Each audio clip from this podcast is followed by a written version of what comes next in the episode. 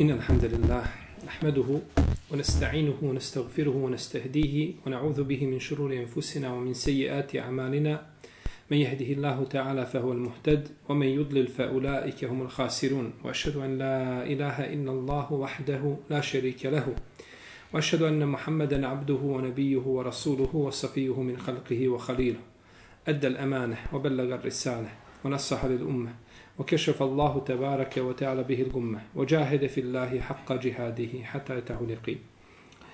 أما بعد فإن أصدق الكلام كلام الله تعالى وخير الهدي هدي محمد صلى الله عليه وسلم وشر الأمور محدثاتها وكل محدثة بدعة وكل بدعة ضلالة وكل ضلالة في النار. ثم أما بعد. عن أبي قتادة الأنصاري رضي الله عنه قال كان رسول الله صلى الله عليه وسلم يقرأ في الركعتين الأوليين من صلاة الظهر بفاتحة الكتاب والسورتين يطول في الأولى ويقصر في الثانية يسمعنا الآية أحيانا. وكان يقرأ في العصر بفاتحة الكتاب والسورتين يطول في الأولى ويقصر في الثانية. وفي الركعتين الأخريين بأم الكتاب وكان يطول في الركعة الأولى في صلاة الصبح. ويقصر في الثانية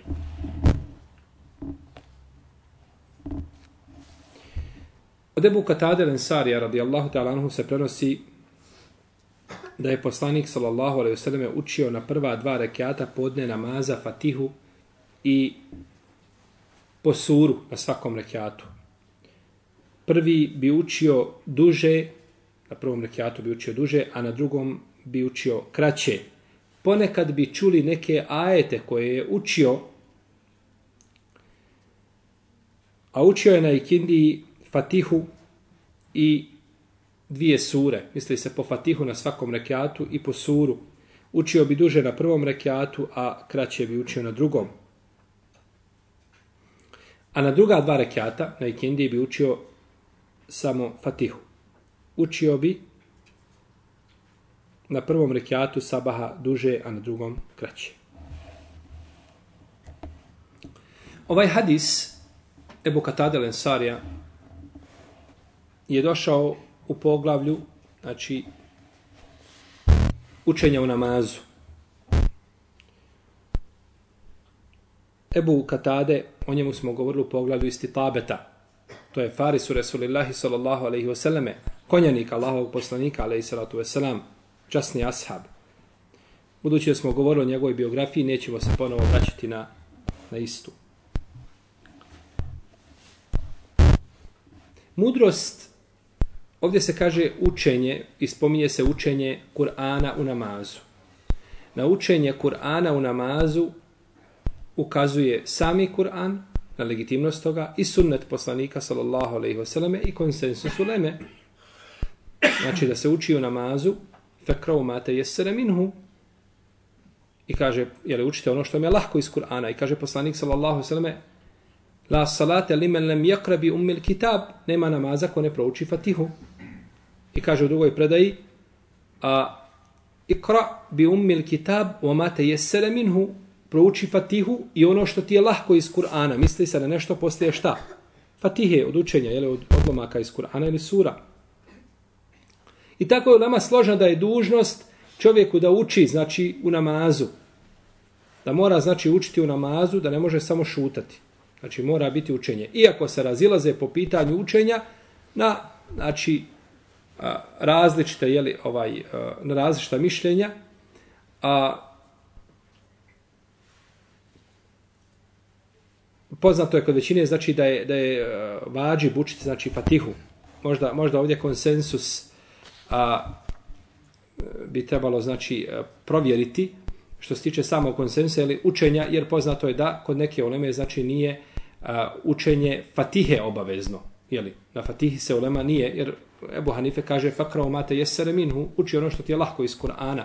Pa u tom slučaju fatiha ne bi bila rukn, jeli? ne bi bila rukn, a, ne bi bila rukn namaza, odnosno jeli, tog rekiata. Mudrost učenja na prva dva rekiata Fatihe i sura isto tako kako na podne, tako na ikindi na sabahu. Jer ljudi u vrijeme podne, to je vrijeme gafleta. Ljudi, šta? Spavaju. To je kajlula. Ljudi, kajlule. Kajlula je spavanje sredinom dana. Može se spavati prije, a može se spavati poslije podne. Iako ono što se zaključuje da bi kajlula bila prije podne. No, međutim, da spava posle podne ne smeta. Da spava posle ikindije ne smeta. Da spava posle akšama ne smeta. Smeta. Posle akšama smeta. Jer došla, poslanik je sva prezirao, to je mekru. No, međutim, poslije Kindije ne smeta spavanje. Između Kindije i akšama ne smeta. Ali hadis koji se navodi o tome da čuko poludi neka ne krivi osim sebe, hadis je daif, nije vjerodostojan. Munker je hadis. Neispravan, ništavan. Tako da je dozvoljeno znači spavanje u tom vremenu. Ali mi govorimo znači ovdje o kajluli. Pa je to vrijeme kajlule. Kaže poslanik sa osvijem, qilu fe inne šejatine la teqil. Spavajte kajlulu, kaže šeitani ne spavaju.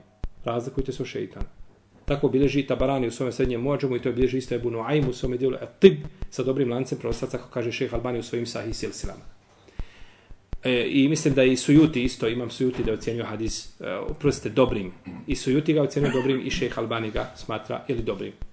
Pa je podne vrijeme kaj lule, ljudi spavaju. Vrijeme i kindi je vrijeme kada ljudi prodaju, kada se trguje. A, kada prođe ona žega velika, popusti posle ikindije, opet ljudi prilaze, znači, trgovini. Pa je to vrijeme opet vida gafleta, je tako? Vid gafleta. A sabah je vid gafleta, što ljudi šta?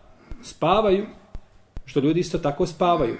Pa je došlo ovdje, znači, učenje da bi onaj ko zakasni eventualno mogao stići šta na namaz. Da bi mogao stići na namaz bilo od umora, bilo od spavanja podnevskog ili na sabahu. I učenje na a, ikindi je kraće nego na podne namazu. Došlo u hadisu Ebu, Ebu, e, Ebi Katade kod e, Ibn Hibbana da je rekao, učio je poslanik sallallahu alejhi ve selleme duže na prva na prvom rekiatu sabaha i podne.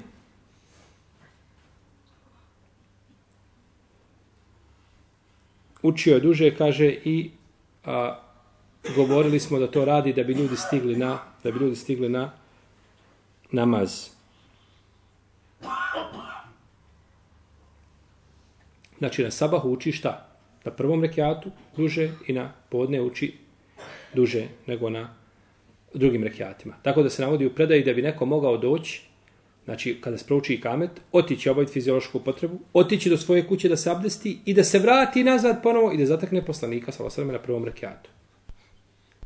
Pa je sigurno, bez imalo sumnje, poslanikov sa osrame rekiat prvi na podne bio duži nego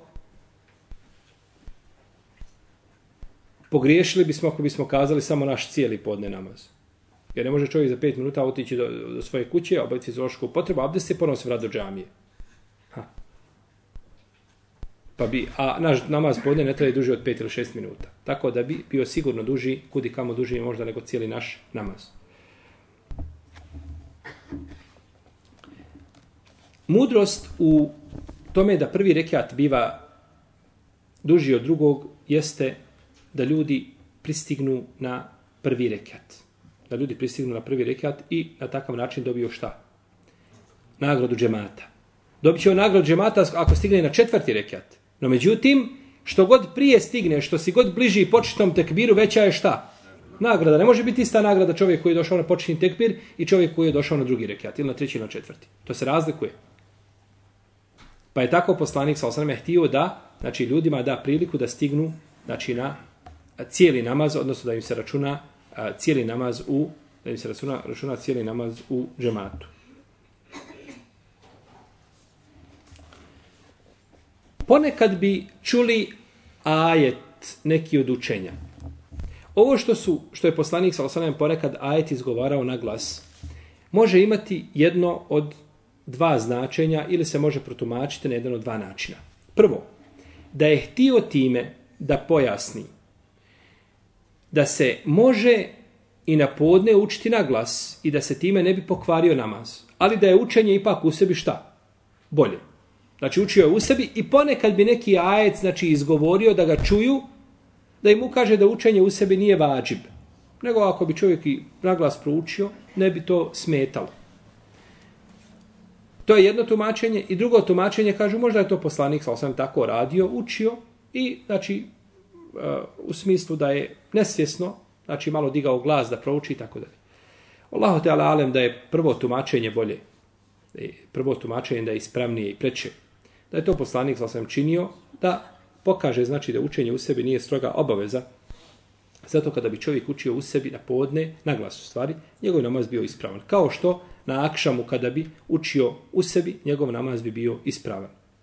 Znači i to neće utjecati na samu ispravnost namaza, iako je praksa poslanika, sallallahu sallam, da na određenim namazima, noćnim poput akšama i jacije uči ovaj da uči uh, na glas, a na dnevnim poput sabaha, poput džume, poput eh, bajrama, poput namaza za, za, za kišu, poput ne znam, namaza za pomračenje, da uči šta?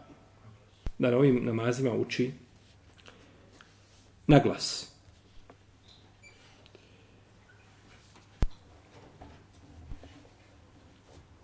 Ovdje se kaže kjane, pomoćni glagol biti, činio je, znači tako poslanik sallallahu alejhi ve selleme činio je, znači ukazuje da je to često ponavljao.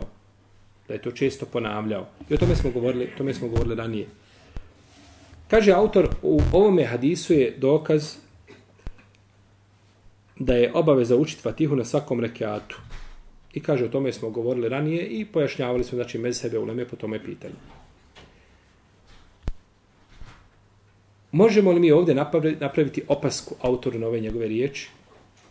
On kaže, u hadisu je dokaz da je Fatihu obaveza učiti na svakom rekiatu. Možemo li prigovoriti ovim riječima? U hadisu koga smo citirali, ovaj prvi hadis, znači o kome govorimo, da je poslanik sa osaname učio na prvom rekiatu i na drugom rekiatu po Fatihu, a na druga dva rekiata samo Fatihu. Ovdje autor kaže, u hadisu je dokaz da je učenje Fatihe na svakom rekiatu vađib. Je li došlo učenje Fatihe na svakom rekiatu? Jest. A ovo što kaže da je vađib, možemo li prigovoriti mu? Molim? Ne možemo kao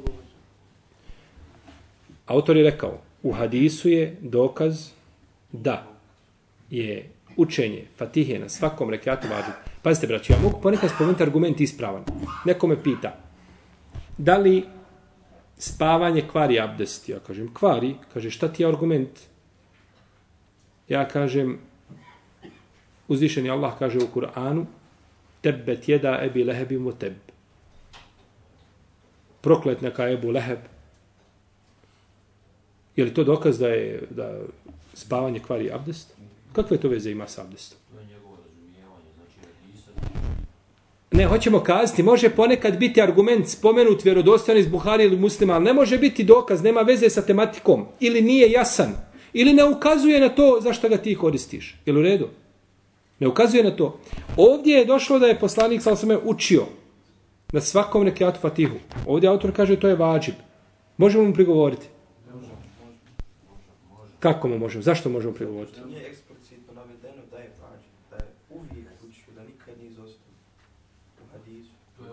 Kaže se ovdje kjane, radio je, znači kontinuirano.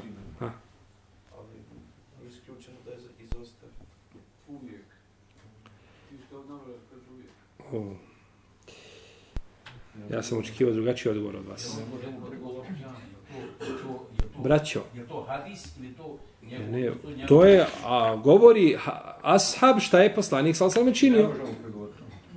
Ne možemo šta? prigovoriti, znači autoru, zato što je koristio hadis koji ukazuje na učenje, znači Kur'ana u, uvijek u namazu. Jest.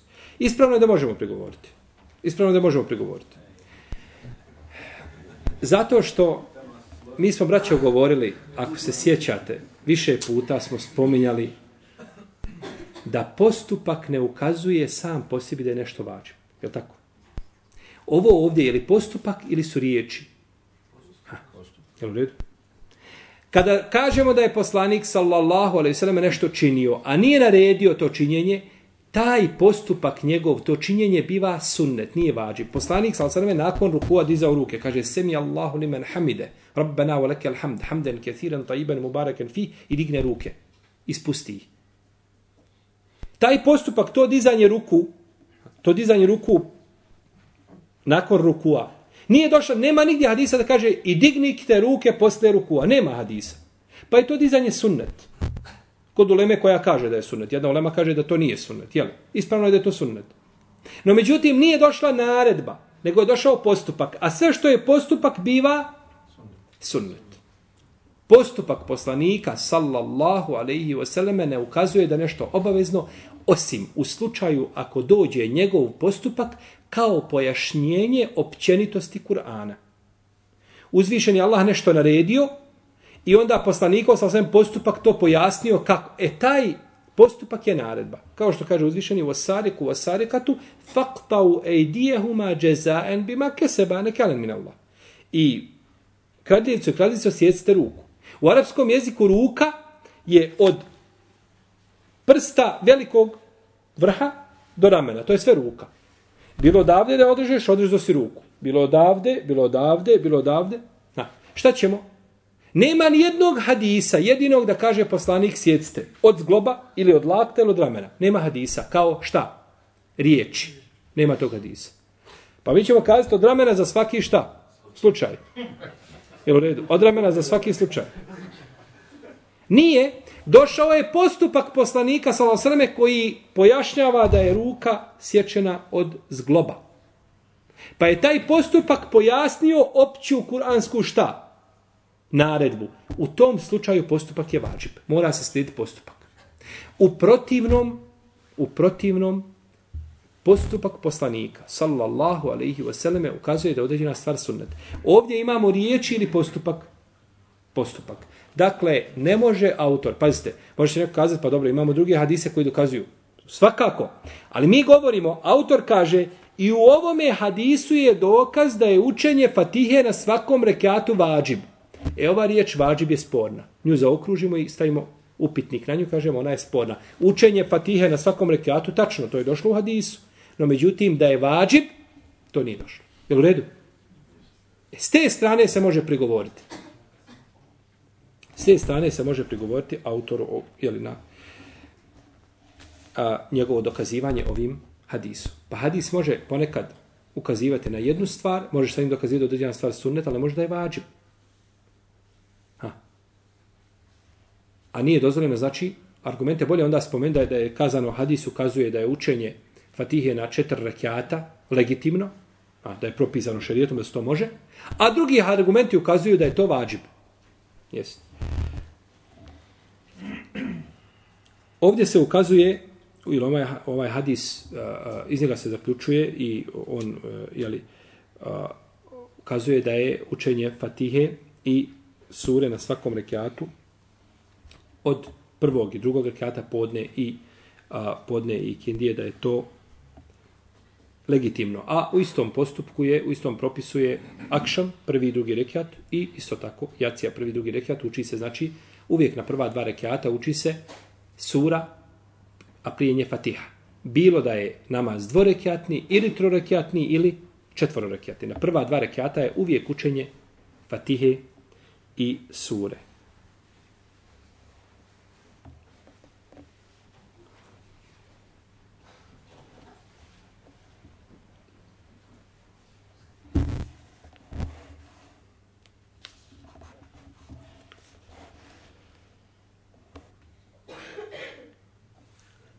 Ovdje autor kaže u hadisu je dokaz da je učenje sure u njenoj cijelosti od početka da kažeš kul a'udhu bi rabbin nas i do kraja sure da je to preče i bolje nego učenje odlomka iz Kur'ana u istoj znači duljini. Pazite autor kaže da je učenje sure cjelokupne bolje nego da uzmeš ajet ili dva iz sure Al-Bekar ili Nisa iz sredine i da proučiš da je bolje učenje cijele sure. Može li, možemo li mu prigovoriti na ome dokazivanje?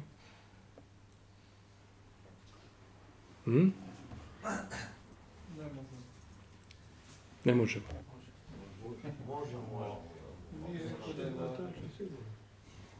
Ne, ne, ne govorimo ovdje o vađibu. Govorimo šta je bolje. Govorimo šta je bolje. Autor je rekao da hadis ukazuje da je to bolje. Ne možemo mu prigovoriti. Jer predaja ukazuje da je poslanik sa osame činio šta?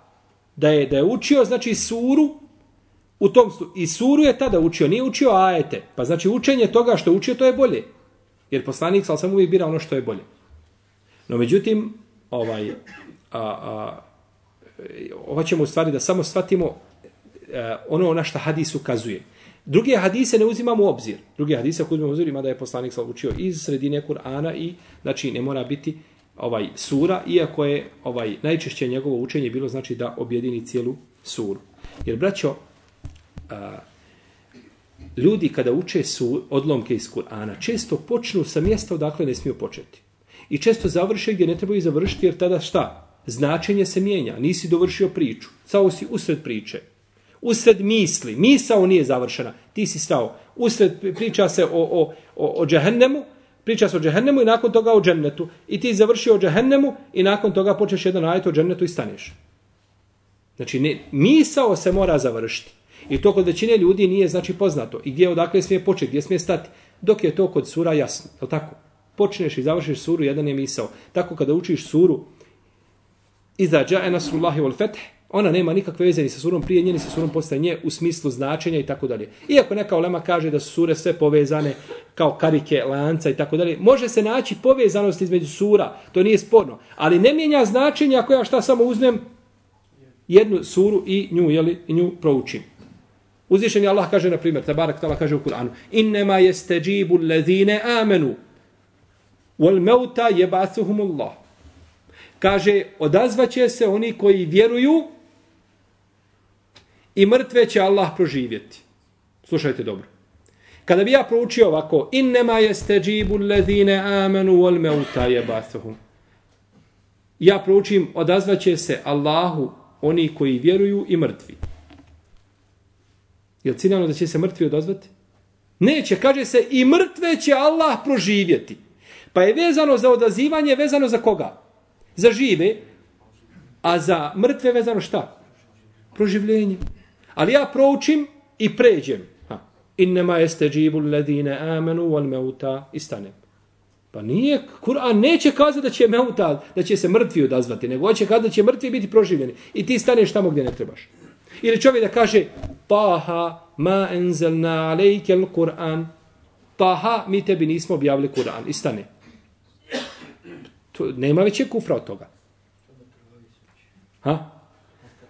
A, u svakom slučaju, znači, čovjek kaže da, ha, mi tebi nismo objavili Kur'an. A je ti ide dalje, li teška da se patiš? Nismo ti objavili Kur'an da se patiš. Ha? Nego ti je objavljen da budeš radostan i da uspiješ i na njalku i na ahiretu. I ti staneš tamo gdje ne smiješ stati. Pa to izaziva, znači, probleme, jeli, kod, kod, obični, kod obični ljudi Ili ajet والذين قالوا inna nasara akhadna mithaqahum fanesu hadha mimma dhukiru bihi. O min alladhina qalu inna nasara i od onih koji kažu mi smo kršćani.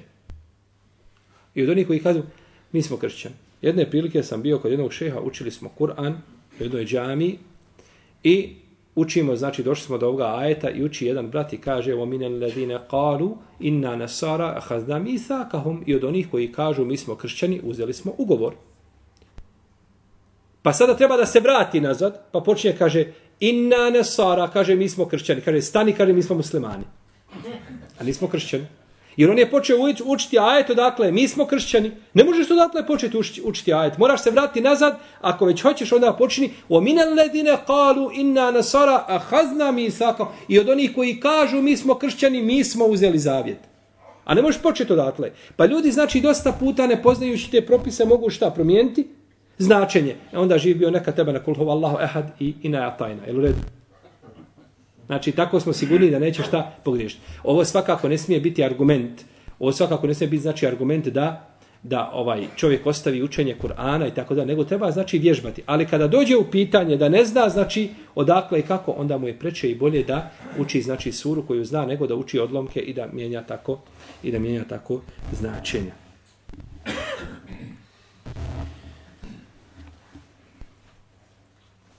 Učenje sure jedne na dva rekiata.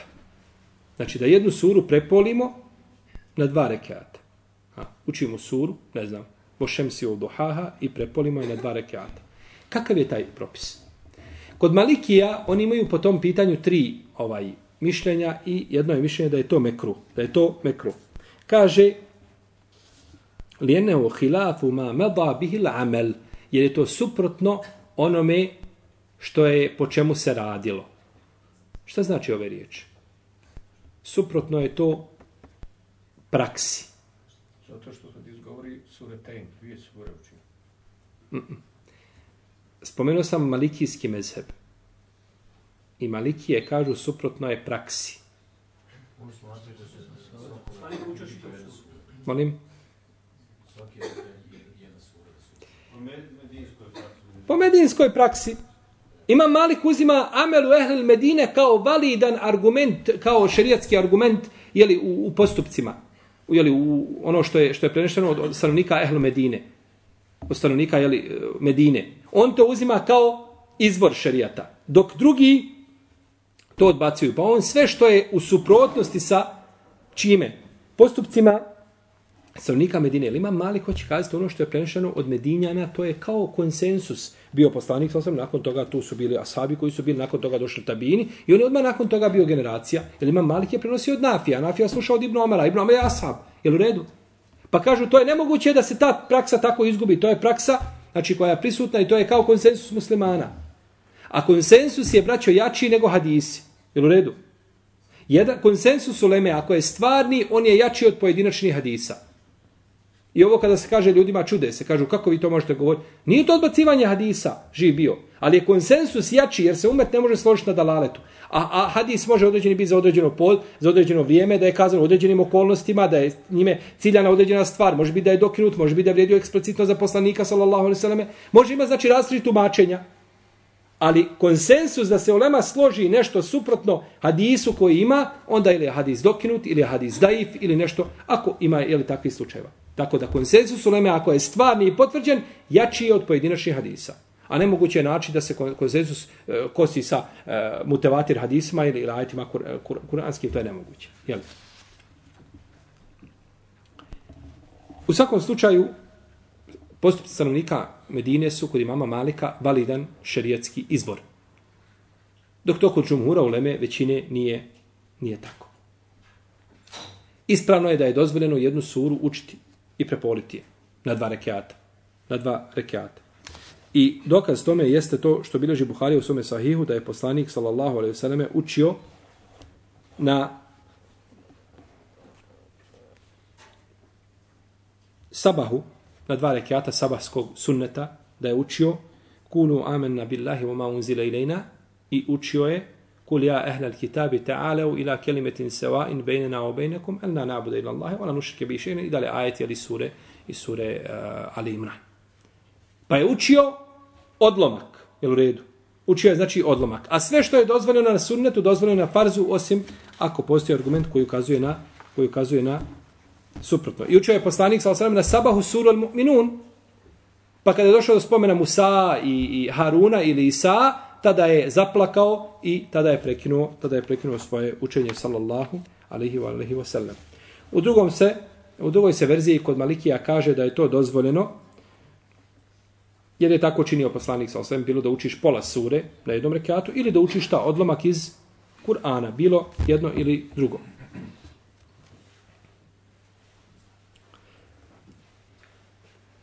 No, međutim, mnogi malikijski učenjaci kažu da je, da je učenje sure bolje nego učenje, znači odlomka iz Kur'ana. Poznato je kod imama Malika da se jedna sura neće dijeliti na dva dijela, no međutim, no međutim, ako bi čovjek tako učinio, bilo bi ispravno.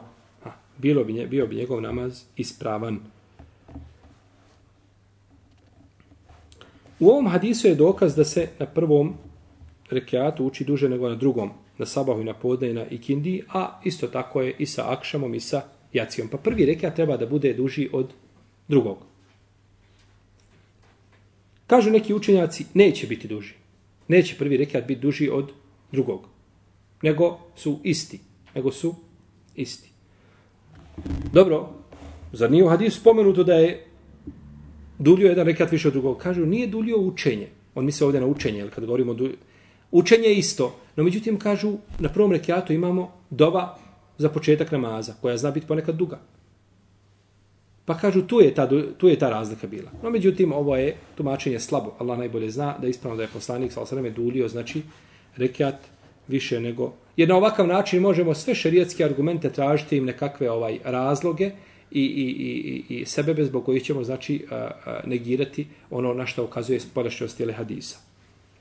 Ispravno je da je to ovaj duljenje drugog eh, prvog rekata odnosno na, drug, na drugi ciljano i da je to poslanik sa osrame želio tako ili da učini. Da li se duli treći, odnosno treći rekiat, odnosno četvrti? Kažu učenjaci, između ostali imam neovi, da se to ne čini, da se neće duljiti treći odnosno na četvrti, jer nema argumenta za to. Iako ima hadis u Talhisu, Talhisu al-Mutešabih, od Hatiba al-Bagdadija, od uh, Abdullaha ibn Bijaufa, ima hadis koji ukazuje na tu činjenicu. Kaže šejih Taqiyuddin u svome dijelu Ihkamu Ihkam, to je komentar isto u mitola Ihkama, kaže razlog zbog čega je prvi rekat duži od drugog, jeste to što je čovjek a, na prvom rekiatu agilniji, je tako? Više ima snage, spremniji je za namaz. Pa tada kada ima više snage, tada odulji učenje. A onda nakon toga ga šta polako? Skraćiva. Onda nakon toga ga polako skraćiva da mu ne bi dosadilo. Neki učenjaci porede ovo sa arapskim jezikom. Pa kažu, u arapskom jeziku prvo dođe vršioc radnje pa objekat. Na primjer, u arapskom jeziku kada kažete, a, kaže se darebe amrun zeiden. Udario je amr zeida. Udario ga. Pa kažeš darebe amrun. Amrun zeiden. Pa je lakše izgovoriti zeiden nego šta? Amrun. Amrun je teško izgovoriti. To je najtežije. U arapskom je taj vokal za izgovaranje jeste šta? Dama. Pa je fetha pa kesra. Kesra je najlakša za izgovoriti. Najslabija je. Najnestabilnija. Darebe amrun zeiden. Pa kaže, kada izgovaraš, prvo izgovoriš ono što ti je teže, jer imaš više snage, i tek dolazi ono šta, što je lakše, onda dolazi na kraju. Pa se tako, znači, rasporedio shodno svoje snaze, rasporedio se izgovor, jel? Pa tako isto, znači, i kod, i kod učenja. Rekao je poslanik, sallallahu sallam, kada neko od vas ustrane noću da klanja noći namaz, neka prvo klanja dva rekiata. I prenosi se od poslanika, sallallahu sallam, da je tako jel, činio. Odnosno,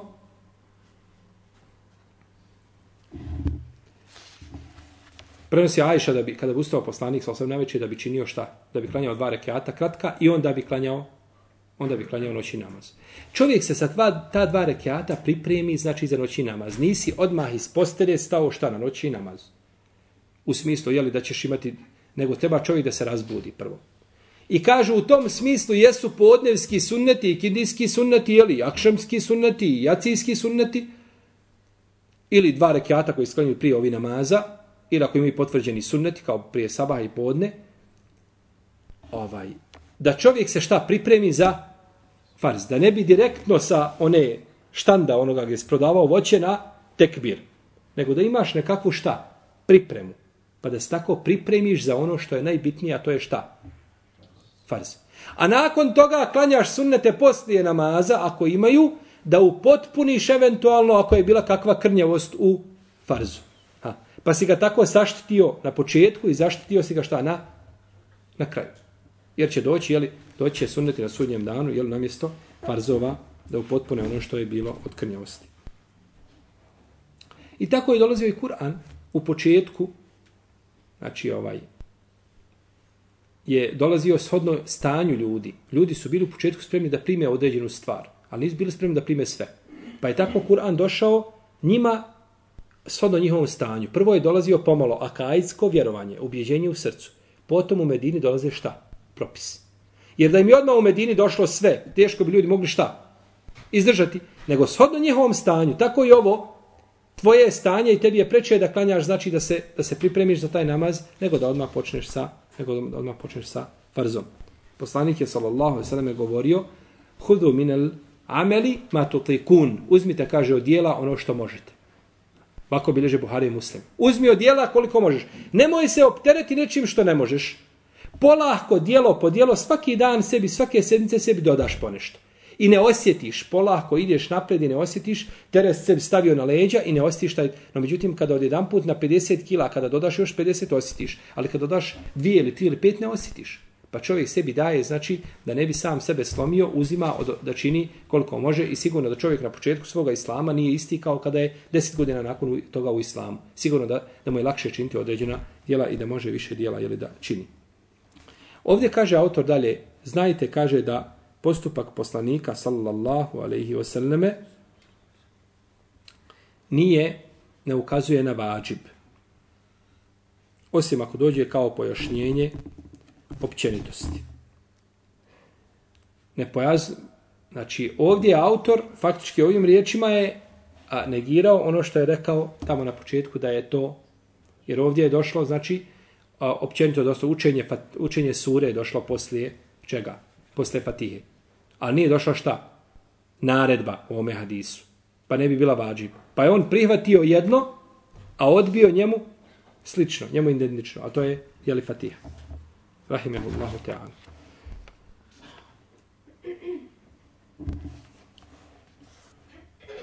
Jer kaže, ovdje u hadisu je, kaže, došlo kada je u pitanju Fatiha, učenje, kaže, ovaj, sure je došlo samo postupak, čisto postupak. To isto kažemo šta je iza Fatihu. A ako hoćemo vađib, da je vađib, onda uzimamo druge, druge jeli, argumente. U ome hadisu je dokaz da je dozvoljeno namaz nazvati shodno vremenu u kome se klanja. Ko će odgovoriti? Znam, ponovi. Je li tako? U hadisu je dokaz da je dozvoljeno nazvati namaz shodno vremenu u kome se klanja. Hoću vezano za hadis. Šta smo rekli? Koji je namaz ovdje nazvao shodno vremenu koji se klanja? Ko je rekao sada? Prije toga. Sabah, rekao je subh. Subh, to je sabah. To je salatul fajr.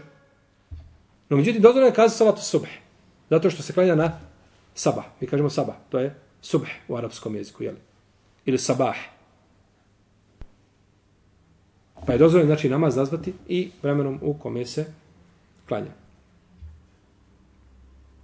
U ome hadisu je dokaz da je ponekad dozvoljeno čovjeku da na osnovu djelomičnog argumenta potvrdi nešto.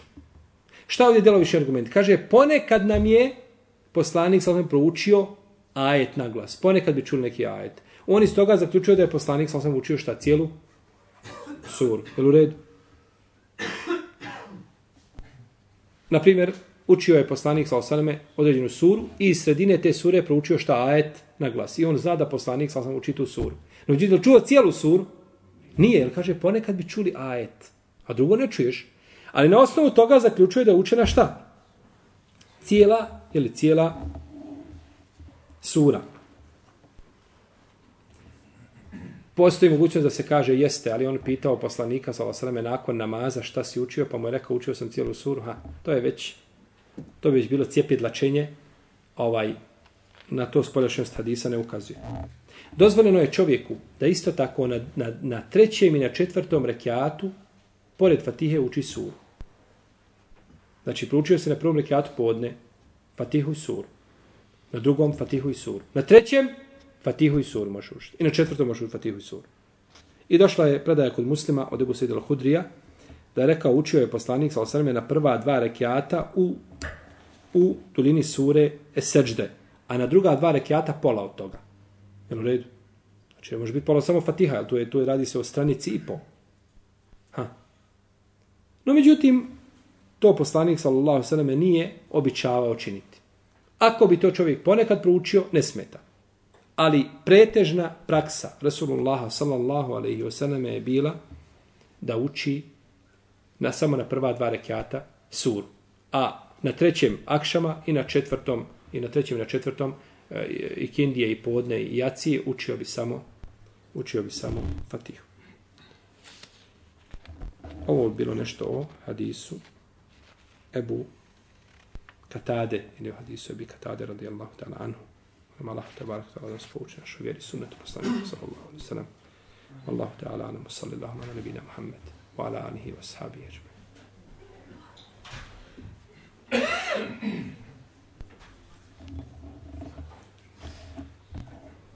Ako ima pitanja vezani za ovaj hadis ili mimo hadisa bojru.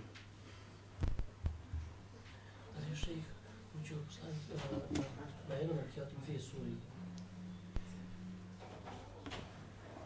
li je poslanik sa osam na jednom rekatu učio dvije sure? Mislim da imaju za to argumenti, ali sada se ne mogu sjetiti hadisa. Mislim da imaju argumenti. Kao što imaju argumenti da je na jednom rekatu učio jednu suru, na primjer, Akšamu je učio jedne prilike suru El Araf i podijelio u dva dijela. Podijelio u dva dijela. Tako isto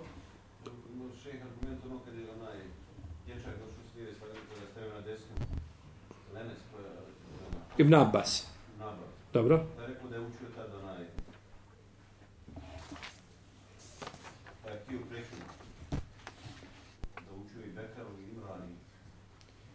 To je, to je na noćnom namazu bilo, da je poslanik sa osam spajao, da je učio na noćnom namazu, da je učio ovaj suru El Bekare, potom je učio, Ibn Mesud je došao, jeste, Ibn Mesud je došao jedne prilike htio da prekine namaz, to je druga, ovaj, to je, znači, ti si, a, nije, o prebacivanju je bio Ibn Abbas, a što se tiče ovaj, e, učenja kada je htio prekinuti, to je bio Ibn Mesud, kada je učio poslanik sa osam suru El Bekare, potom je učio suru En Nisa, potom se vratio na, na Ali Imran.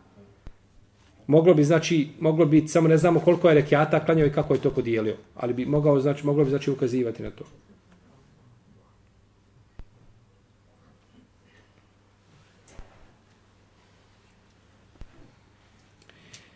Da li ću kao majka biti odgovorna pred Allahom dželle šanu za namaz svoga sina koji je punoletan, a ne obavlja redovno namaz, a kada ga upozoravam neće da me sluša, čak se izgalami na mene, kaže da je to njegov namaz, a mene srce boli, Allah sagradi.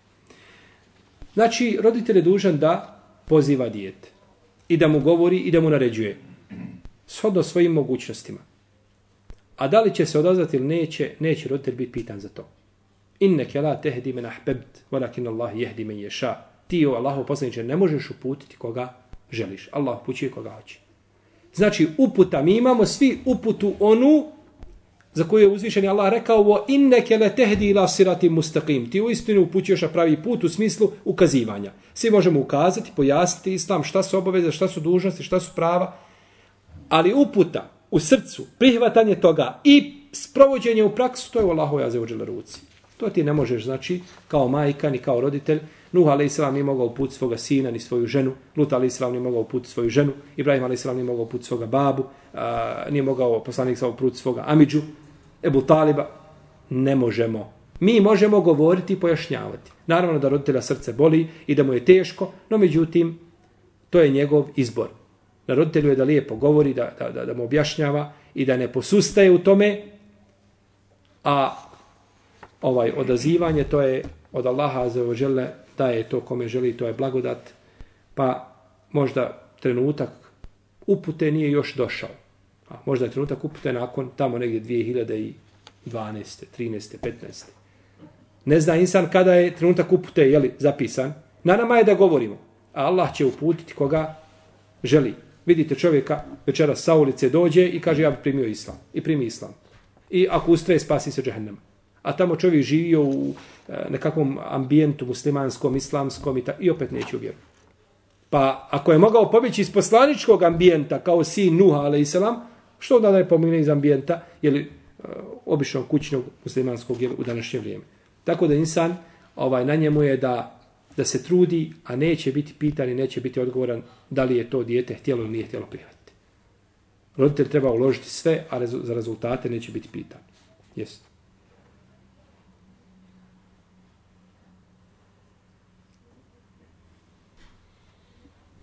Jedno pitanje u vezi ovaj, žena Lutove, znači Nuhove. Da li su te častni poslanici znali da su te žene, znači bile, že, on su živili sa njima I oni su znali da su oni munafiki. Ili su oni na kraju te žene pokazale svoj nifak. Kad je bilo gusto. Su, znači oni su se pretvarali krile.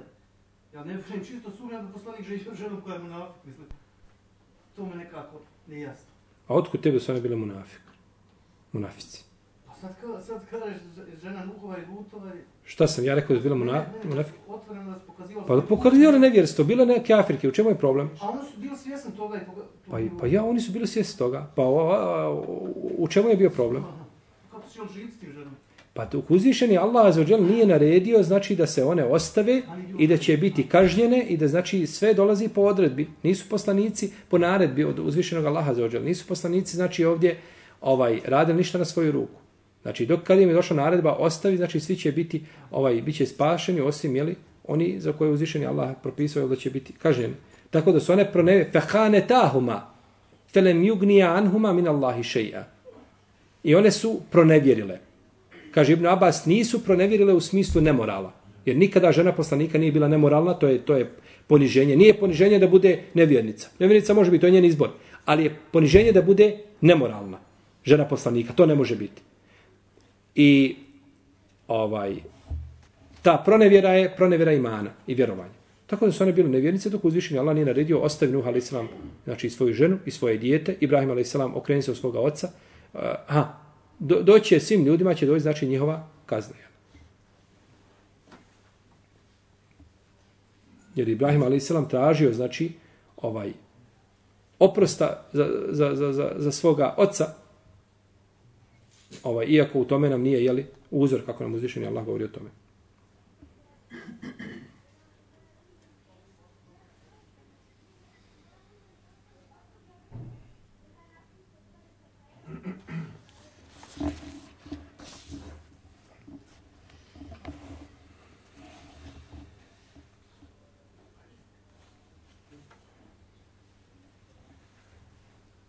Ovaj, I opet na, na, na, da se na to pita pitanje dovežem. Je li opravdanje ljudima da žive s takvim ženom kaže kako je mogu Nuh, kako je mogu Nuh?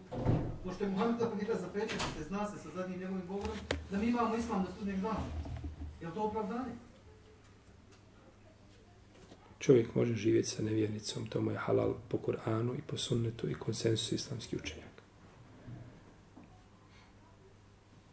Tu nema razilaženja. Znači da može živjeti sa kitabikom ili židovkinjom. A ove druge? Uzvišeni Allah te barak je ta'ala kaže u Kur'anu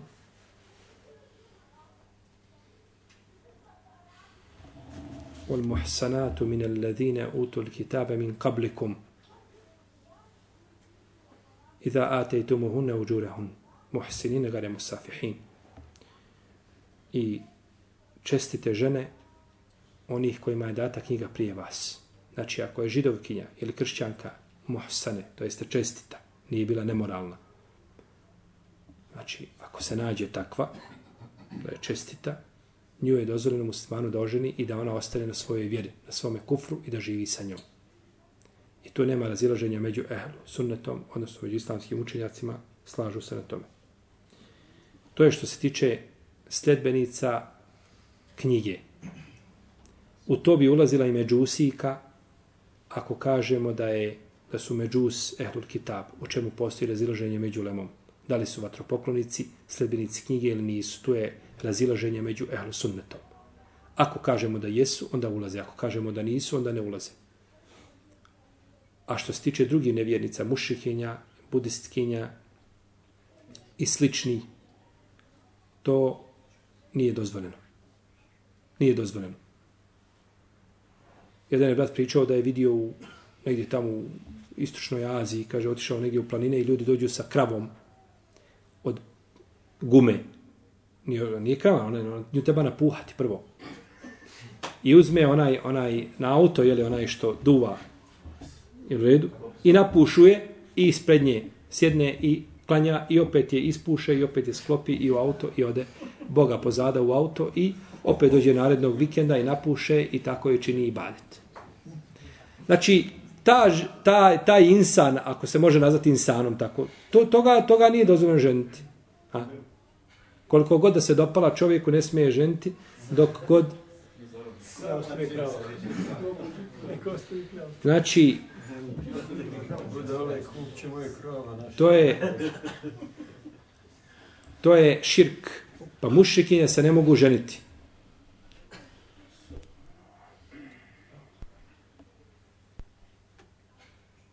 ولا تنكحوا المشركين حتى يؤمنوا ولا عبد مؤمن خير من مشرك ولو عجبكم i nemojte kaže ženiti nemojte udavati za mušrike dok ne povjeruju jer je rob vjernik bolji od mušika koliko god da se dopadao ولا تنكحوا المشركات حتى يؤمن ولا أمة مؤمنة خير من مشركة ولو أعجبتكم Ulajke jedu'una ina nar, wallahu jedu'u ila l'đenneti wal magfirati bi izne. I nemojte, kaže, u ženiti one mušikinje dok ne povjeruju. Bolja je sluškinja, robkinja, muslimanka nego ta mušikinja. Ovi pozivaju u vatru, a uzvišeni Allah poziva u dženneti oprost od njega. Te barak je teana. Znači, dozvoljeno je od nevjernica da se musliman ženi kršćankom i židovkinjom iako neće proći bez grijeha.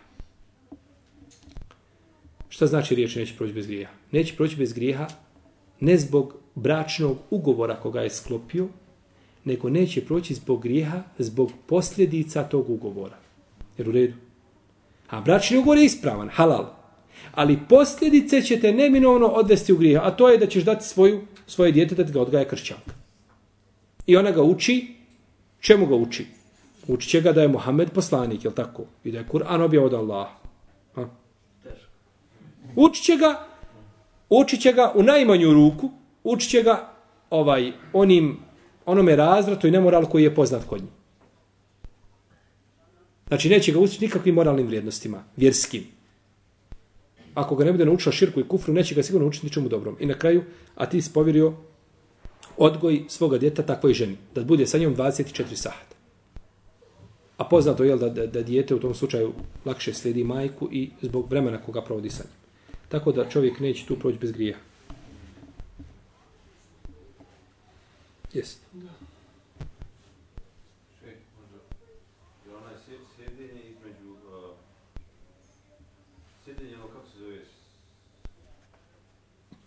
Koje je sjedenje? Gdje bude? Je li strah? Dobro. Je to isto isti nivo ko ovaj, dizanje ruku ovaj, u... Je to isto sunet koji pozdanje ruku u namazu? Razilaženje je veliko među lemom. Jedan dio ashaba je prenio, znači, to sjedenje, drugi ga nisu prenijeli.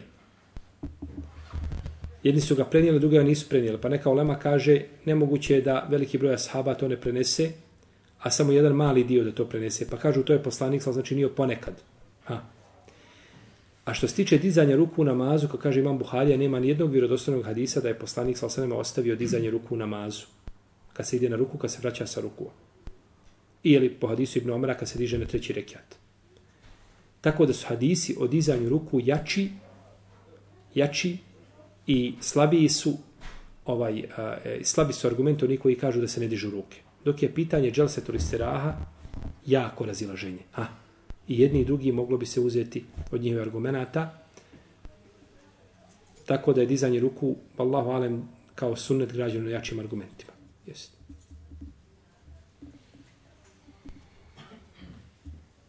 I čovjek ako bi ponekad ostavio želesetor istiraha iza imama koji digne se, na primjer, na, na četvrti rekiat i uči fatihu brzo i ti dok sjedneš, dok se digneš polako, nećeš na kraju stići, nemoj sjedati. Odmah se digne za imamom.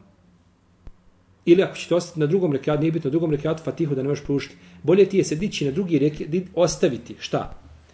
Džel istiraha i dići se i proučiti Fatihu i suru, nego učiniti džel istiraha listiraha i proučiti samo šta? Fatihu. Ako znaš da će to omesti od učenja sure, bolje onda ostaviti i učiti suru za imamo. Jer je učenje sure pritvrđeniji sunnet i to je potvrđeno znači jasnim hadisima i o tome nema razilaženja kod uleme, dok pitanje džel istiraha listiraha postoji razilaženje. Čak šehr sam imam temije zastupa mišljenje da ako imam to ne čini da slediš imama. Da je preče slediti imama. Allahu alem da nije. Jer to bi onda isto bilo i pri dizanju ruku. Ako imam ne diže ruke, nemoj niti dizati ruke, sledi imama. Tako da je preče to činiti, ali s tim znači da čovjek ne izgubi ništa od namaza. Jeste. tiče našeg tradicionalnog bosanskog islama, pitanje me vluda. To je naša prakta. Dobro, praksa, dobro. Šta tu kaže hadisi, šta tu kaže striktno hanefijski mes, pošto svi kažu hanefijski mes, ovo niko Mhm. koji je Hanefi, Ebu Hanifa je pet puta što su naredio da se klanja, da se odvoji žena od muškarca, da ovo, da ono, mislim. Mhm. Mene Dobro. sad, e, ja sam kod će tražio knjige, nisam mogao nigdje naći u Bihaću, ni sazim Hanefijski fik. Nigdje bio četao neke knjige. Mhm, mhm. Tako da, ovaj, a hođe zna, to je ovako, koga pitaš još šta ja znam. Da vidim, e sad me, pošto vi znate s, s- sve Dobro. pravne škole, to me, malo je dugačka tema, znam, ali Što se tiče, znači, ovaj tradicionalnog islama, prvo u islamu nema tradicionalni islam. Ne bi trebalo biti. U islamu treba, ima mezheb. Hanefijski mezheb, da. Malikijski, šafijski, da. Mezheb ima. Ali tradicija, da kažemo mi, naš tradicionalni islam, taj tradicionalni islam treba staviti u, znači, u jedan filter dobar i profiltrirati ga. I onda kada ispresuješ dobro, vidiš šta ti iziđe dole. Dole ti može izaći samo znači Kur'an i sunnet ili eventualno nešto što je vezano za mesep kada su u pitanju obični ljudi. A tradicija kao tradicija ne postoji. Ovaj, ne bi smjela jeli biti. U svakom slučaju mevludi, praktikovanje mevluda nije bila u prva tri stoljeća. Kaže se da je da su mevludi došli tek tamo negdje u četvrtom hiđarskom stoljeću u Fatimijskoj državi, u Egiptu. Da su tek tad ljudi to izmislili. Znači, prva tri stoljeća, kada bi sve knjige... Šitskoj državi. Šitskoj, jes. Šit, da. Šitskoj, Fatimijskoj, Šitskoj, jest. Kada bi sve knjige prevrnuo, a, sve knjige kada bi prevrnuo i tražio prva tri stoljeća da je neko došao i pjevao ovaj pjesme i spjevove, e, one e, spjevo hvale ili kao poslaniku na rođenje, ne bi to našao. Niko to nije spominjao. Ha, nema toga. Kao i badet nije bilo poznat. Za te generacije za koje poslanik kaže hajru nasi karni sume ledine jelunehum, sume ledine jelunehum, sume ledine jelunehum. Najbolji ljudi su u mome stoljeću, potom koji slijede, potom koji slijede, potom koji slijede. U redu. Najbolji ljudi su u mome stoljeću, potom koji slijede, potom koji slijede. Oprostite, tri generacije. Mislim da u jednoj predaji kod imama Ahmeda, koliko sjećam da ima spomenuta četvrta generacija, da je predaja dobra. Kod imama Ahmeda spominje još jedan put to. Nije bitno. Tri, tri prve generacije nisu miskini. Miskini nisu znali za ibadet. A nisu znali miskini da ibadete Allahume vludom. A? Najbolje genera naši najbolji ne znaju nešto što mi znamo. Pa mi se u njih ugledamo u svakom pogledu i nakon toga dođemo da kažemo jeste, ali oni nisu znali za takav ibadet. Oni nisu znali za te mevluda tevhide, 40, 40, godišnjice, še- šestine, sedmine. Pa dobro, znači, ovaj, uzvišeni uzvišen je Allah je nama učinio selef i na koji nas je obavezao da se ugledamo na njega, da oni to ne znaju. Zamislite postupak u šerijatu u vjeri, koga poslanik nije znao i nije ga znao Ebu Bekr i Omar i nije ga znao Katade i Mujahid i nije ga znao Ibn Šihabe Zuhri i nije ga znao, e, ne znam, E, ovaj, e, e, ulema nakon toga koji su došli od, i od sabirača Sunena i od svega do, do četvrtog, petog iđeskog stoljeća. Ulema hadis koji dođe u petom iđeskom stoljeću stavi na njega uh, upitnik od pometra. Ha. Prvi put zabilježen gdje u četvrtom ili petom iđeskom stoljeću. Znači prošao i imam Buharija, i Muslim, i Tirmizi, i Nesai, i Ibnu Mađe, i prošao imam eh, e, El Bezari, prošao imam El Bejheki, prošao imam Darimi, prošao Dare Kutni, i Ibnu Abdul Beri. Prošla ulema i ulema koji se kupila hadise, niko tog hadisa zabilježio nije i nikoga ne zna i nakon toga u četvrtom ili petom iđerskom stoljeću čovjek tamo zabilježi kao recimo imam Begavi da zabilježi koji je umro 516. iđerske godine, zabilježi hadis. Odmah ulema na to stavi veliki upitnik kaže ovaj treba kroz 10 filtera protirati. protjerati. Nikako, gdje su ljudi prije toga bili? A šta misliš onda o ibadetu? Ibadet ima, nikoga ne zna i od jedan put se pojavi. A mi znamo da za ibadet treba šta? Dokaz? Da treba dokaz znači za ibadet. Pa da bi bilo koju stvar smatrali ibadetom, moramo imati argument da je to šerijetski utemeljeno. Jel? Zašto ti klanjaš? Zato što Allah Kur'an naredio je tako namazi poslanik se pokazao kako se klanja. Zašto daješ zeke? Zašto postiš? Zašto izlaziš iz džamije? Desnom nogom ulaziš lijevom. Ko će mi kazati argument da se u džamiju ulazi desnom, a izlazi lijevom nogom?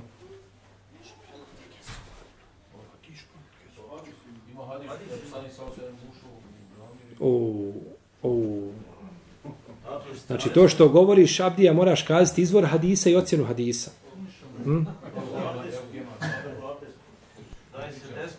Vidite, recimo, jedan opći, neko tip ulaziš u džamiju, ovaj desnom nogom i čovjek pođe ti ga uhtiš ne izađe lijevom i onda kaže a šta ti je dokaz ima hadisu da počinjao dobre stvari dobre stvari počinjao a je li, je li izlazak iz džamije loša stvar pa da ideš lijevom znači nema dokaza da se izlazi šta lijevom a da se ulazi desnom a ispravno da ima dokaz imate kod Buharije predaj od Ibn Omara da je Ibn Omer ulazio u džamiju desnom, a izlazio lijevom nogom. To je od Ibn Omara, ali Ibn Omer nije šta? Nije poslanik. Imate predaj kod El Bejhekija koja ima dobar lanac prenosilaca. Kao kaže Šehalbani u svojim sahih silsilama i kaže Hakim da je vjerodostojne, tako kaže Zehebi. Od Enesa Ibn Malika da je rekao, od sunneta je kad ulaziš u džamiju da ulaziš desnom, a da izlaziš lijevom nogom. Kada Ashab kaže da je nešto od sunneta, Na čisto sunnet odnosi. Na sunnet poslanika po većini uleme islamske jurisprudencije. Dakle, a, sunnet je da izlaziš šta? Lijevom, a da ulaziš desnom. Zašto to radiš? Kažeš, imam hadis. Zašto kolješ kurban? Pa u Kur'anu uzvišeni Allah kaže fasalli li rabbike wanhar. Ha, Allahu se moli i kurban kolji. I hadis koji govore da je poslanik sa klao kurban, iako nema nijednog vjerodostojnog hadisa o vrijednosti kurbana. Imamo deset hadisa, svi su daif o, o vrijednosti kurbana. Ali ima postupak da je poslanik sa sam klao kurban kod Buhari, kod muslima i drugi. Znači, svaku stvar koju radimo imamo argument. Dobro živio, daj mi argument lažan. Lažan. Prihvatit ću lažan o mevludu. Lažan na kvadrat. Daj mi o mevludu. Može samo udarati glavno dlan da kaže, jah, i to je fin postupak. Mi dolazimo, mi slavimo poslanika. Ja, ah, i mi poslanika ne volimo emotivno, nego ga volimo šerijatski. I on nam je kazao kako ćemo ga voljeti. Ti slaviš njegov rođendan ponedjeljkom, a poslanik kaže, ponedjeljkom sam rođen, pa zato je postio taj dan. Hoćeš da slaviš rođendan, posti ponedjeljkom. Ne, ali lepše sa curicama u halki, namazanim, asfaltiranim, sjediti i učiti ovaj ilahije i kaside i da tamo neko udara u nekakav bubnjić i tako dalje. I nakon toga da pokupe se i pare, jer nakon toga da ima koristi i materijalne, pa imaš i ćevapa i sevapa, po ubjeđenju njegovom, a nema sevapa za to, može imati samo grije, I nakon toga ljudi kažu, je li ovaj to je iba, to ne može biti ibadet nikako. Ko dođe na mevlud i pravi mevlud, može imati samo grije. Kada bi uspio izići na pozitivnoj nuli, neka bude presretan. A bojim se da ne može. Može samo grijeh imati. Tako da to, je to nije širijetski utemeljeno. U protivnom mi možemo napraviti svake subote u tri popodne da dođemo ovdje i da, da igramo oko ovoga stuba ovdje. I tavafimo oko stuba i smatramo to šta? ibadetom. I ti ćeš me upitati šta ti je argument? Nema argument. I onda mogu ljudi uvoditi u vjeru šta? Šta? Hoće. Zato je bitno da slijedimo u vjeri, znači Kur'an i da slijedimo sunne, da slijedimo argumente. Zato smo i večeras ovdje pričali. Svaku stvar kažemo, a šta ti je argument? A šta je dokaz? Jer ako ne bude bilo tih dokaza, ljudi, to su radili kršćani. Nema dokaza, iskrivili knjigu i onda što god ko najđe, kako god ko prođe pored, dopiše. Šta mu se sviđa, dopiše. I onda na kraju dobiješ ono što si dobio bućkuriš. E tako bi mi uradili od naše vjere. Zato kaže Sufjane Seuri, leulel isnad le kale men ša ema ša, da nema sene da lanca prenosilaca, kaže govorio ko šta hoće. Ali ne možeš, šta god da progovoriš, kaže, a kakav ti je lanac? Nemam, završeno, odbaci vas. Je u redu? Tako da, mevlud, znači nema utemeljenja, u, ni se smatra i badetom, ni podrazno, ljudima je lijepo što imaju nijet lijep da dođu da slave poslanika i da ga hva u redu. Mi ćemo poslanika, sa osaleme, jeli, slaviti u smislu, jel, da, da donesemo salavat na njega, da, da, da, da, da, ovaj, da mu činimo dovu Allahu zbog onoga što je uradio, što je prenio do nas i što nam je dostavio, znači, a to je najbolje, jel, kroz salavate. Ovaj, no, međutim, taj ibadet mora imati, pored lijepog nijeta, mora imati dokaz šerijatski. Ha. Ti imaš nijet lijep, ali nemaš dokaza što takvo djelo ne može biti primljeno. Da bi djelo bilo primljeno, mora imati dva argumenta, dva, dva šarta, dva uvjeta. A to je, da bude lijep nijet, znači da to činiš radi Allaha, ne radi ljudi, i drugo da bude po sunnetu poslanika. A gdje je mevlud u sunnetu? Ni spomena. Ni spomena, ni izbliza, ni izdaleka. Čak znaš li da ljudi ovaj ne znaju tačno pouzdano kad je poslanik sa osam rođen. Ima nekoliko predaja, sve su daif. I zato neki kažu devetog, neki kažu desetog, ne, zna se da je u Ribu Uvol rođen. Ali da li je to prvi, da li je deveti ili deseti ili jedanesti ili dvanesti, tu se razilaze. Pa dobro, što, kako se oko tako bitnog događaja mogu razilaziti? To je dokaz da ashabi tome nisu nikakvu važnost šta pridavali. Niko.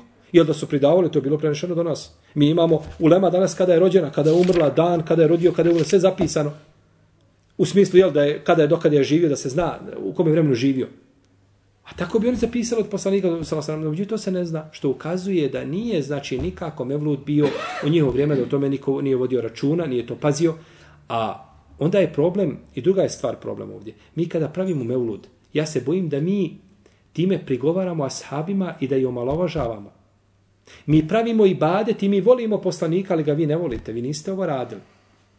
Pa dobro, ne možeš ti nikako živ bio voljeti, voljeti uh, Allahov poslanika sa osam više od Ebu Bekra. To je nemoguće, ni, ni podrazno, ni sav umet kada bi se spojio bolan. A oni to nisu nikada radili. To je njima omalovažavanje. Zato kaže poslanik, zato ima Malik rekao jednu izreku koju treba zapisati zlatnim stojima. Kaže, ko kaže da u šarijetu ima lijepa novotarija, a što oni kažu za me, ludi lijepa novotarija, Ko kaže, kaže da u šarijetu ima lijepa novotarija, kaže taj je potvorio poslanika da nije prenio od Allaha poslanicu kako treba. Znači ta novotarija, taj ibadet je lijep, je u redu. A poslanik ga nije prenio. A, znači sakrio je nešto. I riječi znači koje su precizne i, i ispravne od, od, od harfa do harfa. Tako da ovaj a, insan je najsretniji koji zato je Sufene Seuri kaže ako možeš da se počešeš argumentom, počeši se. Nemoj znači ni počešati se ako nemaš argumenta. Ha. A imamo ja argument da ja to hođici kažem. ja kaže, ja se držim hanefijskog meseva. Da. A drži se četaresnice, drži, zna se, Rebu Hanifa nije dao muško žensku. Je. Da. Slušaj mi da ti kažem, znači nije nije ovaj Moraš onda šeha povesti sa sobom. Da ga on potrpi jedan dobro. A pobjegao. Da ti kažem. Nije dužnost tebi da doneseš argument, nego on mora donijeti argument. Ha. On je taj koji zagovara određeni ibadet. On kaže ovaj ibadet je lijep. Onda ti od njega tražiš argumenta, ne može on od tebe tražiti. Jer u redu? A, da si ti došao, jer kada neko nešto zagovara u ovome slučaju, neko kaže da je određena hrana haram, ti kažeš daj mi argument da je haram, jel u redu? Ali neko ti kaže određena hrana halal, ti kažeš ovo je halal, kaže daj mi argument. Ne moramo doneti argument, nego ti koji kažeš da je haram moraš doneti argument, jel u redu? Tako da ti njemu kaži, bio, ti meni donesi argument da je poslanik sa osaname pravio mevlud, i Ebu Bekr, i Omar, i Ashabi, i generacije tabin nakon toga, ja ću doći s tobom sjesti da su on tako sjedli, nije problem sa ženama zajedno, nikakav problem nije. Harmoniku svirali, i argument ima, nikakav problem nije. Doćemo sa harmonikom, ali daj mi samo argument. A on može samo udarati dlan od dlan i da muši po crvene, ništa više od toga. 40 na primjer, isto Isti propis. 40 je postupak nevjernika, Samo što je četirisenca došlo u ome vremenu. Znači nema tih, a, nema tih korijenja. Nego je sad došlo u ome vremenu, znači to je postupak njihov koga i ja znam recimo ovaj a, ljude sam starije baš pitao po tome pitanju, kaže u naše vrijeme nikada nije bilo četiresence. Ljudi koji su znači sjećam se, moga sam dedu Rahimahullah pitao o tome, kaže, u moje vrijeme nikada to, to je, kaže, počelo prije 30-40 godina, sada, skoro. To prije nije bilo. 40 ima upravo Slavaca. Jeste, pa to je od nje, znači, došlo. Jeste. Allah te ala ala. Reciš. Ono pitanje malo prije što ne znam postavio i ono je odgovor nekako mi. nekako mi to nikako nisi. A koji je odgovor? Našta ja se zavorim? On je, on je pitao u vezi, u vezi dizanja ruku na mazu. Dobro. Rekao si da je to jačije prenešeno znači hadisma nego, nego dželsko istirana. Jest. A ti si večeras govorio da je da su riječi poslanika, da su to znači, jači dokaz nego, nego postup. Jeste. A, a za, za, za, za, znači, osim u slučaju kada, kada se postupkom želi pojasniti općenitost. Jeste. Tako. Isto tako znam za hadis o džalsku istirah, gdje, gdje reci, onaj, onaj čovjek kad je ušao u džamiju, pa, ga je, pa, pa mu je poslani sada rekom da ponovi namaz jednom i drugi put, da nije, znači nije, nije što upuće na to da je džalsku istirah ruk namaza. A isto tako znam da ima islamski učenjaka i daja koji kažu i tvrde to sigurno da je džastić straha ruk namaza. I sad ovdje, na osnovu onoga odgovora, Dobro. odgovora ja sam stekao dojam da je, da je dizanje ruku jače preneseno neko ovo i jači sunet nego ovo. Dobro. Allah te nagradio svakim dovoljno. Znači, braće, od, od, od edeba i od etike je da čovjek kad osjeti nešto u prsima, da kaže. A, na lijep način da se kaže, ja nisam to shvatio, nisam razumio. Nema o tome ništa, mi se učimo svi. Jel? Prvo, a, ja bih krenuo, znači, od a, odgovora, znači, od, od tvoji riječi. Ti kažeš da ima neko od uleme koji je rekao da je dželstvo istiraha ruk namaza i neko daja. Ja ti garantujem hiljadu posto da to nikad niko rekao nije. Znači, to ne postoji. Na zemlji takvog mišljenja nema. To je, znači, vjerovatno, da niste ovo zamijenio sa nečim drugim, nikada, niko, za nikada, od vremena poslanika do današnjih dana ne bi rekao da je rekao da je dželse turistiraha ruk namaza. E billah. To nikad niko rekao nije. To je jedno. Drugo, što se tiče od toga čovjeka koji je klanjao, to je salatu, to je hadis Ebu Hureyre, koga bilježi Buhara i Muslim, jer džija fesalli, fe i nekelem to sali, ili vraća onoga čovjeka da klanja nekoliko puta. Je li igdje spomenuta u tom hadisu dželse turistiraha, da mu je poslanik sasvim naredio dželse turistiraha? Znači, taj hadis što se ga spomenuo, otpada. Ostaje nam postupak poslanika sa osanem. Rekao poslanik sa kada se vratiš, smiri se da se sve kurti smire. Ja se, kada, kada, kada se, znači, riječi, kada, znači, s jednog rekiata, kada uzdiš, ustaješ na drugi rekiat, vrati se nazad da se sve kosti. To, je, znači, to je postup, to su riječi poslanika. Znači, riječi i postupak. Oba dvoje zajedno. Nema To je- smi kad se vratiš nisi, nego smiješ se na sežbi, na raskolu. Nema na Čekaj, te pituješ Ja ja. imam ruku, ja, Ja. Pituješ ja.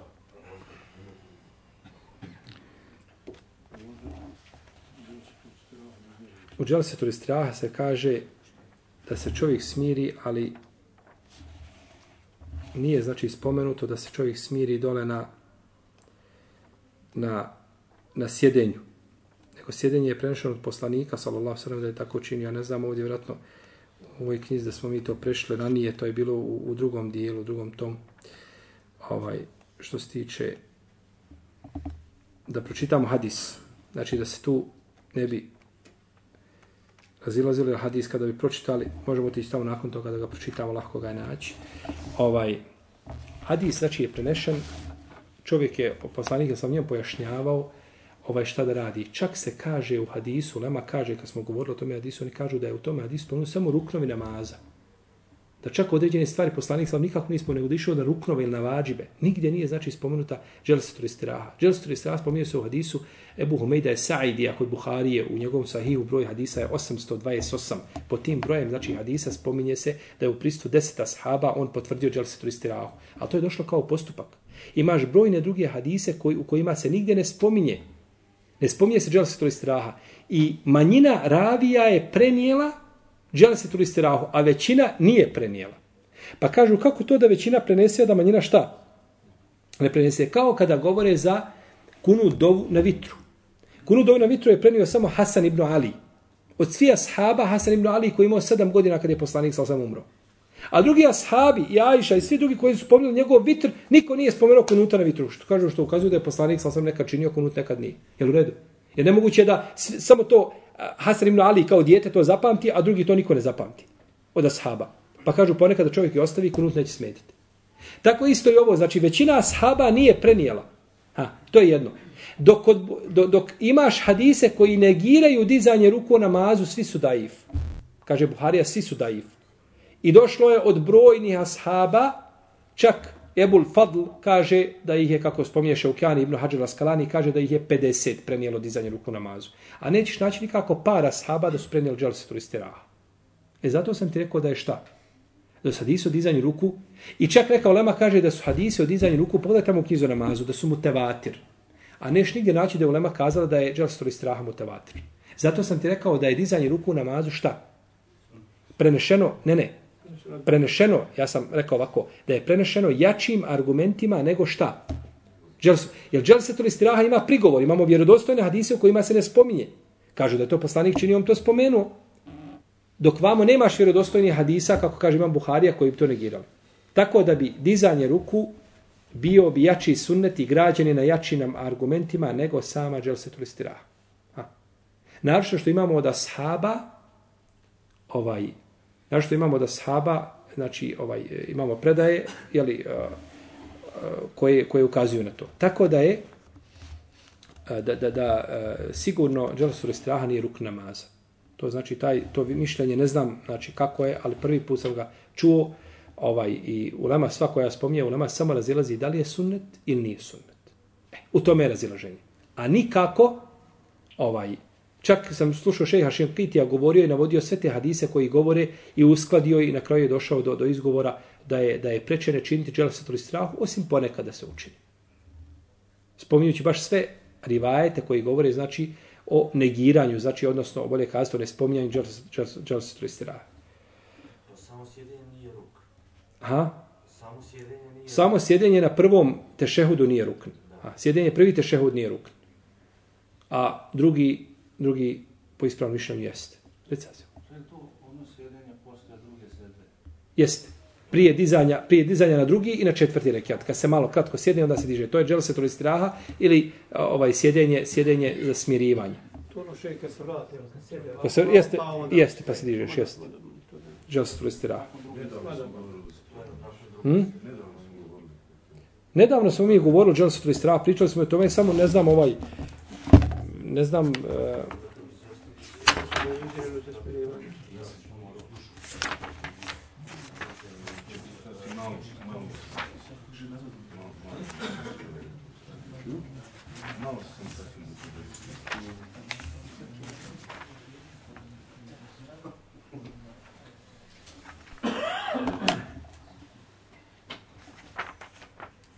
E, to mi smo i govorili, vjerojatno, u drugom onome dijelu.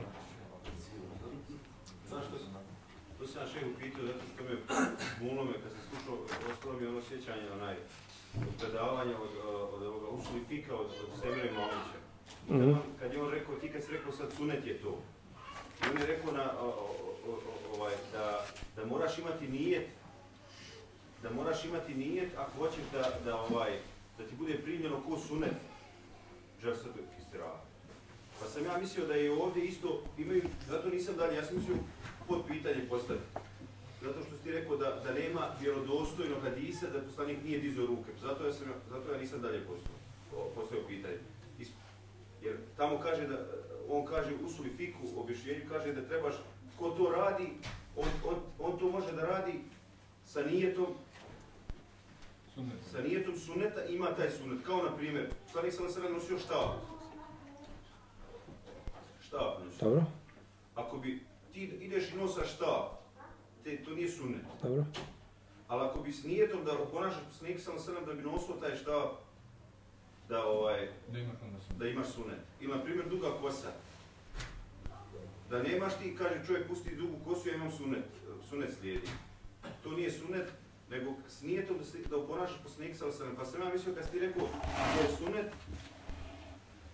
To je, to je sunet dizanje ruku, pa sam ja mislio da je to u istoj to je problematično, to što si ti sad rekao.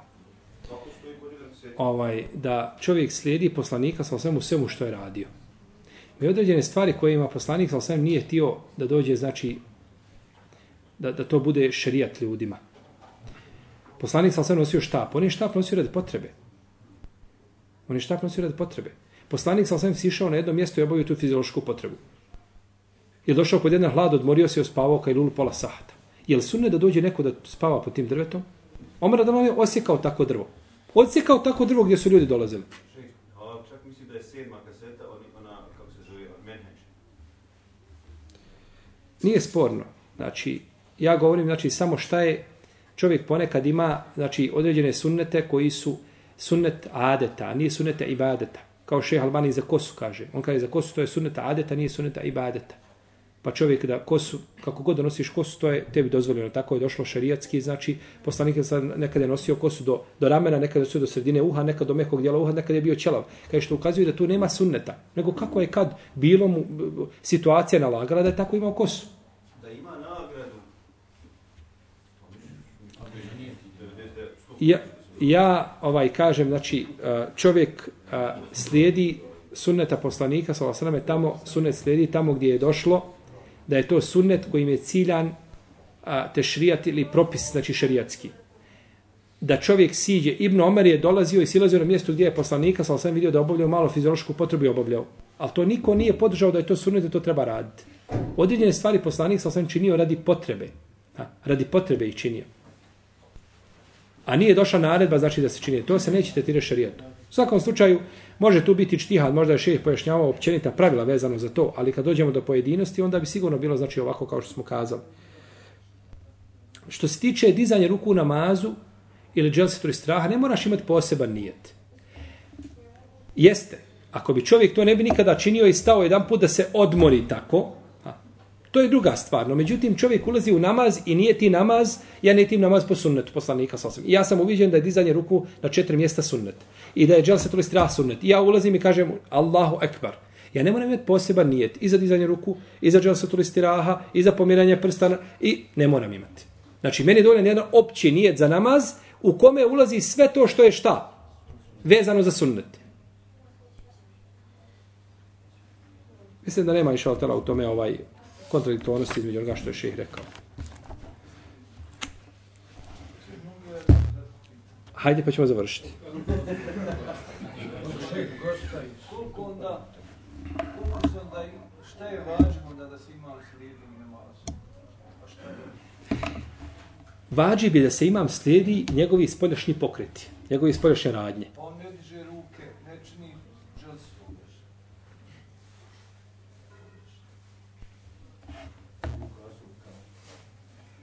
Nije, nije. A, slediš imama pri početnom tekbiru. Ne smiješ ga tu predsjeti. Ne smiješ ga predsjeti na ruku, ne smiješ ga predsjeti sa seždama, vraćanju sa sežde, ne smiješ ga predsjeti selamom. To je znači stvari. A ima negdje gdje ti pretići imama. Imam kaže semi Allahu limen hamide. I tek nakon toga diže ruke. Ti dižeš semi Allahu limen hamide i odmah dižeš ruke. Pretićeš ga sa dizanjem ruku. Pretićeš ga sa prstom. Kad sjednete dole, on će sjesti i početi odmah te šehu dušiti, prije ćeš njega dići prst. Imaju stvari, znači, gdje ti nisi, ovaj, nije, nije zadužen da ti gledaš imama kako to radi. Ti si ono te šehu i ti učiš te šehu, to što imam kako uči, to tebe ne zanima. Ali ga ne smiješ predsati, recimo, sa amin. To nije ispravno da prečiš sami. I to danas muslimani svi rade. Dok kaže ovaj vole dalin, svi odmah kao jedan amin, on ne može uzeti daha da izgovori, oni su prije imama izgovorili amin. A došlo je zabran predstavljanje. Znači, odnosi se na ove spoljašnje radnje koji su ruknovi. A ne odnosi se znači u preticanju, možeš imamo pretići učeći Fatihu. Imam polako uči Fatihu, ti požuriš i ti ode učiš suru, a imam još nije da šta? Fatihe, može li biti? Može lako biti. Ali te stvari, znači tu nije tu čovjek zadužen da mora prati mama da gleda ga i dokle je došao da on ne prije njega uči. Znači, nego su ove stvari bitne, znači početni tekbir, bitno je znači donošenje ovaj uh, odlazak na ruku, vraćanje sa ruku, sežda i tako dalje. Ti pokret znači spoljašnji. A ostavljanje e, sunneta mi nećemo, kao kaže Ali, Ali radi Allahanu, nećemo ostaviti sunnet zbog pustinjaka. Pa čovjek znači drži se sunneta i sledi sunnet, tamo ako to imam ne bi radio. Yes. Zato se kaže u hadisu, innema ju'ila l-imamu li teme bihi fala tahtelifu alaihi. Imam je da se sledi, nemojte se razilati. Pa kaže, fe ida raka, farkeo. Kad uči ruku, učinite ruku. Ha. Fe ida seđede, fesčudu. Kad uči seđede, uči... pa ti pojašnjava šta je to u čemu treba šta slediti imama. A imaju neke stvari koje je skrivene, koje, za koje mi jeli, ne znamo u stvari kako imam čini i možda će tu desiti se predicanje.